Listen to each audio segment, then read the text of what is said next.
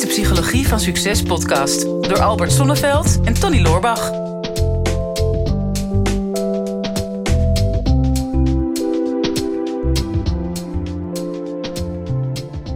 Nou, de kerstboom, eh, ja, die, eh, die mag weer het huis uit. Laat jij die niet het hele jaar staan?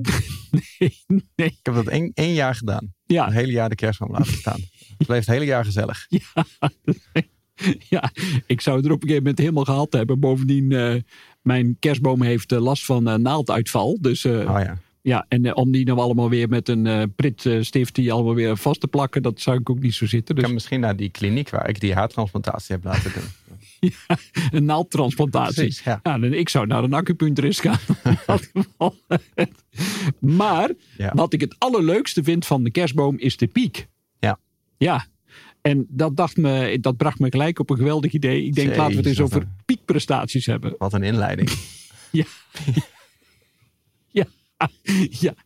Tony, kun je er iets eh, nuttigs over zeggen? Over een, over een piekprestatie? Maar dan even los Ja. van de kerstboom natuurlijk. Ja, nou, ik heb de, de, al, de allergrootste priek, priekprestatie.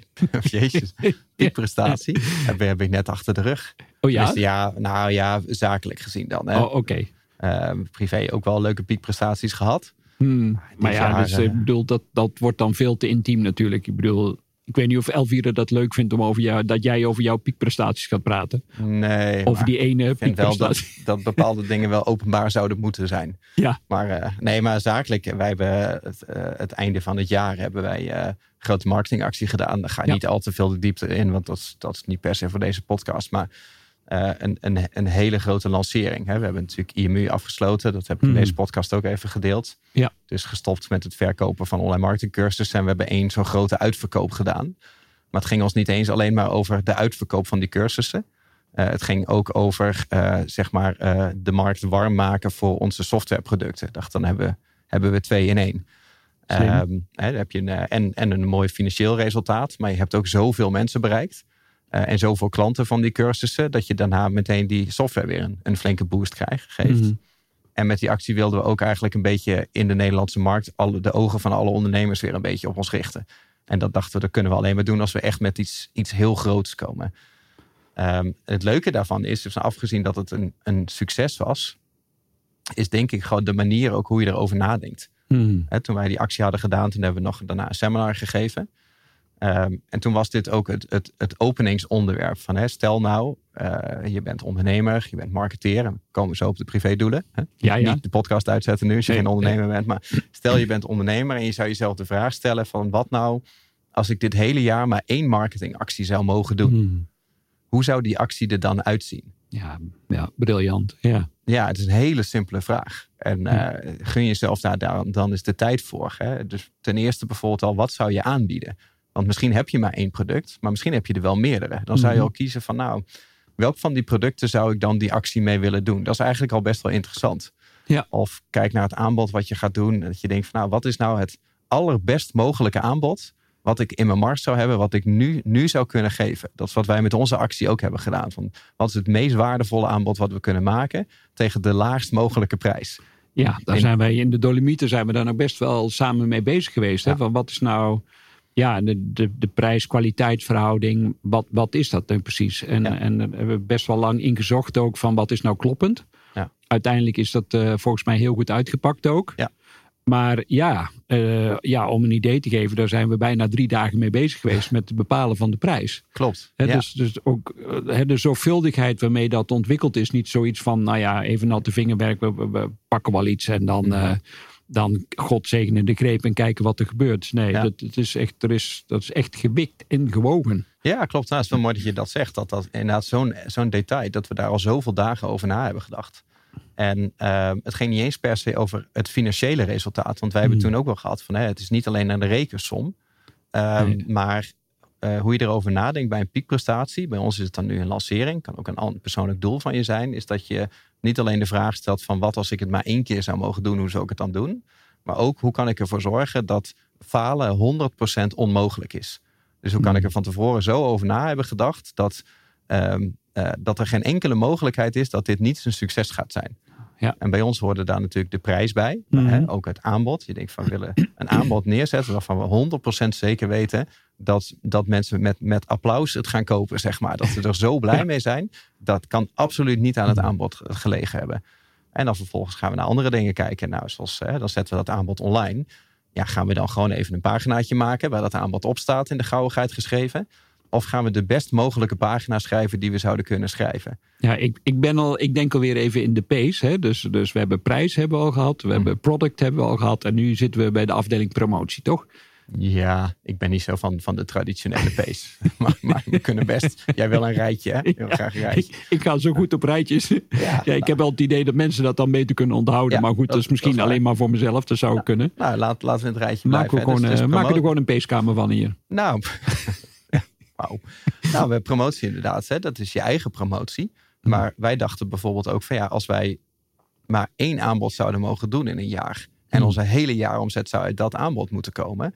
Dan zou het zonde zijn als wij de enige zijn die dat aanbod aan het promoten zijn. Er moet eigenlijk iedereen in het land, iedereen die een achterban heeft die relevant is voor ons, die zou eigenlijk mee moeten promoten. Eh, dus als we dat bepalen, dan gaan we volgens ook weer kijken van hoe kunnen we er dan voor zorgen dat die mensen ook daadwerkelijk mee gaan promoten. Dus niet ze een algemeen e-mailtje sturen van hebben we ons best gedaan, maar gewoon per individu kijken hoe kunnen we zorgen dat we diegene aan boord krijgen. En zo kun je eigenlijk gewoon jezelf weken, soms zelfs maanden de tijd gunnen om iets Hmm. tot in detail uit te werken. En net alsof Ja. je een soort van overval gaat plegen. Ja, ja daar moest ik ook aan denken. Ja, ik denk van ja, goh, hoe kun- je er nou de, de meest ideale bank overval? Daar denk ik ook wel eens over na. Mensen die daar succesvol in zijn. Denk, Oh. oh man, die zijn. Nee, niet om die bank te overvallen. Ja. Maar ik, ik, je kunt maar ergens expert in zijn. Ja, en natuurlijk, het is crimineel en je mag het niet doen. En goed, er zijn heel veel dingen waarvan die ik afkeur. Maar ja, ik, ik, ik ben er zo van overtuigd als je extreme focus hebt op één ding, dat je daar ook succesvol in kunt zijn. Mhm. Dus ja, bij wijze van spreken een bankoverval. Klopt. Ehm, ja, wanneer die tot in detail voorbereidt. Want daar mag ook niks mislukken. Want anders is de prijs die je daarvoor betaalt bijzonder hoog natuurlijk. Eh, ja, klopt. Je hebt ook niet een tweede kans Nee. over het algemeen. Ja, Nee. Dat is een best wel een mooi voorbeeld. En, en dat is natuurlijk, als je een bedrijf hebt en een productlancering doet, dan beleef je dat vaak niet zo. En meeste ondernemers, meeste mensen ook zijn, gaan zo reactief door het leven. Hè. Je reageert gewoon op het leven, wat er op je pad komt. En je doet heel veel dingen die je zelf hebt aangeleerd vanuit de gewoonte. Van, je levert steeds kleine beetjes energie. Van, oh, dan weet je, dan verzin ik vandaag wel even een videootje en dan zet ik dat vandaag op mijn Instagram. Of dan eh, schrijf ik vandaag wel even een mailtje voor wat me toevallig vandaag ingegeven is. Of oh, eh, de bankrekening staat een beetje laag. Nou, weet je wat, eh, gooi dit product in de, in de aanbieding, Hmm. kortingscode, stuur een mailtje uit en dan is het wel even weer gefixt, zeg maar. En dat is zakelijk, maar privé hebben mensen dat vaak ook.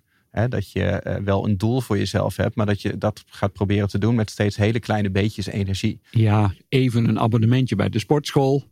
Ja. Of nou, laat ik in ieder geval eens één pagina schrijven voor een boek wat ik altijd al had willen schrijven. Mhm. Of nou ja, weet je, laat ik in ieder geval eens op internet gaan kijken of het inderdaad de moeite waard is om een bed and breakfast te gaan beginnen. Of laat Ja. ik in ieder geval al die afleveringen eens gaan bekijken. Ja, van een bed and breakfast vol met liefde. Eh, misschien hoor ik daar dan ook wel bij. Maar ja, klinkt niet echt als een plan dan of zo voor mij. Nee, nou, wat, wat wel, eh, waar heel veel waarheid in zit, is dat succes vaak in kleine stapjes komt. Hè, Daar ben Mhm. jij ook een, een voorvechter van. Ja. Eh, als het over goede voornemens en dat soort dingen gaat, zeg jij natuurlijk ook van, hè, doe niet alles tegelijk. Eh, van 0 tot 100, wat de meeste mensen met goede voornemens doen. En dan dat je daarna een week of wat weer mee ophoudt, want dan is het niet vol te houden. Maar doe het gewoon in hele kleine dagelijkse stappen die je onderdeel kan maken van je routine. Daar geloof ik ook zeker in. Hmm. Uh, maar waar ik ook heel erg in geloof, is dat je voor jezelf nadenkt voor bijvoorbeeld dit jaar. En dat je er één ding uitkiest. Ja. Waarvan je zegt van nou, hè, niet eens per se zakelijk, één actie. Maar um, wat nou als je één mijlpaal voor jezelf op mocht schrijven voor 2024.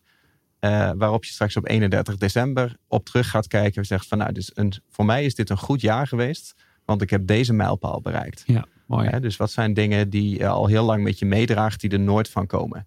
Hè, je zoiets hebt van, nou, ik zou best wel graag een keer een muziekinstrument willen spelen. Nou, dat gaat er niet van komen in de uren die je overhoudt. Hmm. Want, want je houdt geen uren over, alles zit al vol.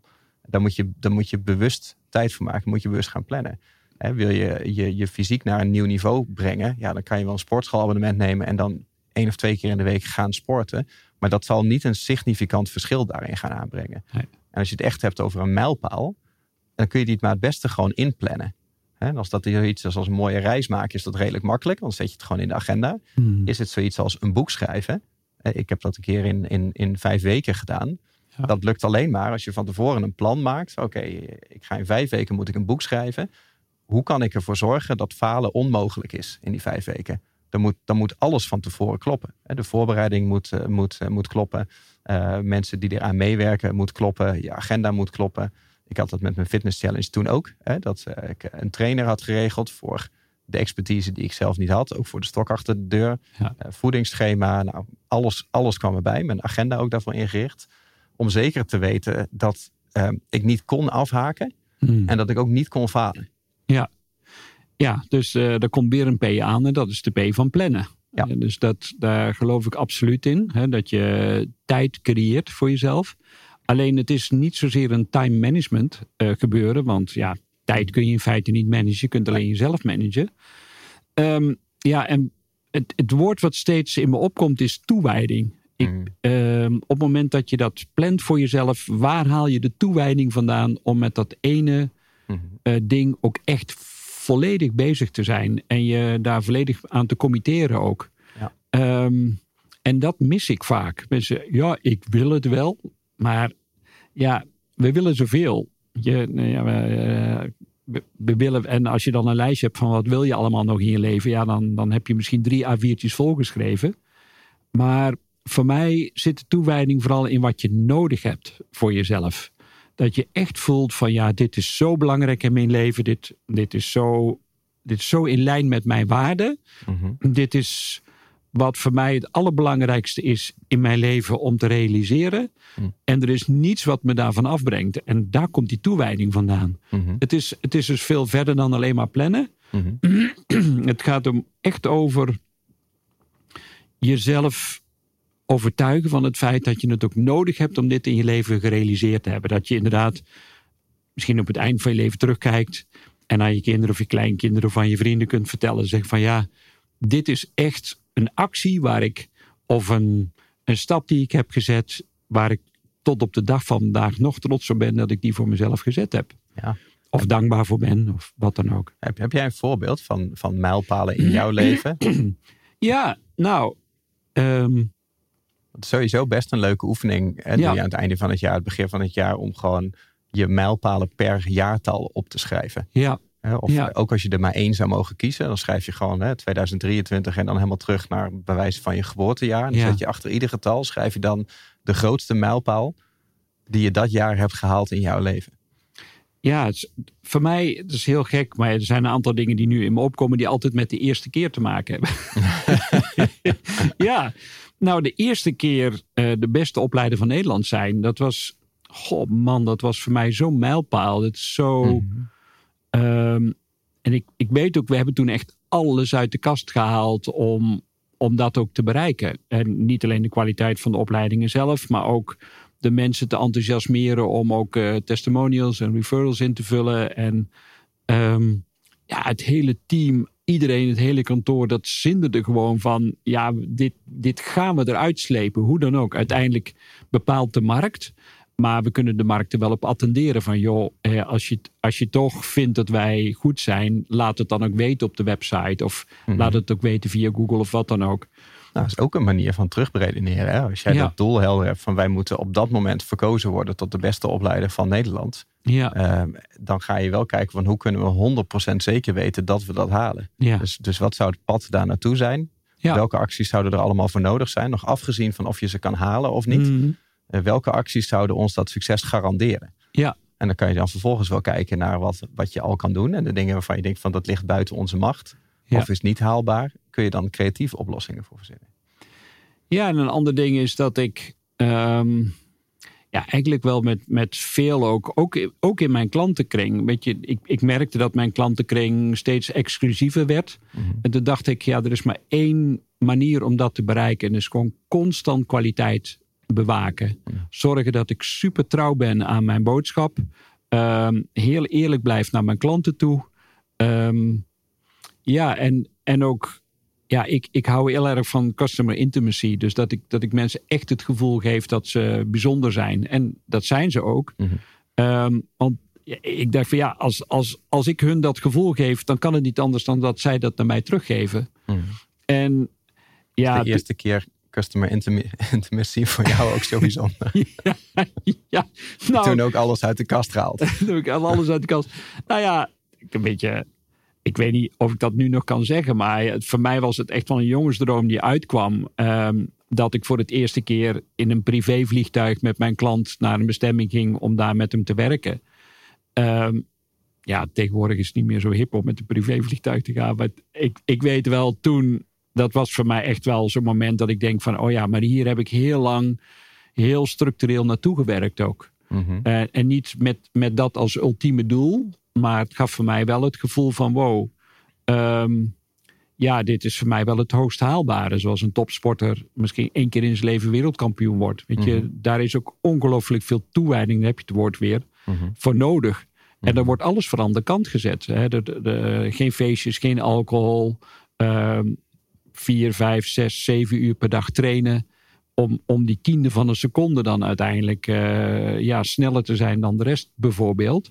Ja, maar Ja. ook, ook allemaal wel met het idee dat eh, op het moment dat je het bijvoorbeeld niet haalt en je mist die tiende van een seconde, dat je nooit tegen jezelf kan zeggen dat je er niet alles aan gedaan hebt. Ja.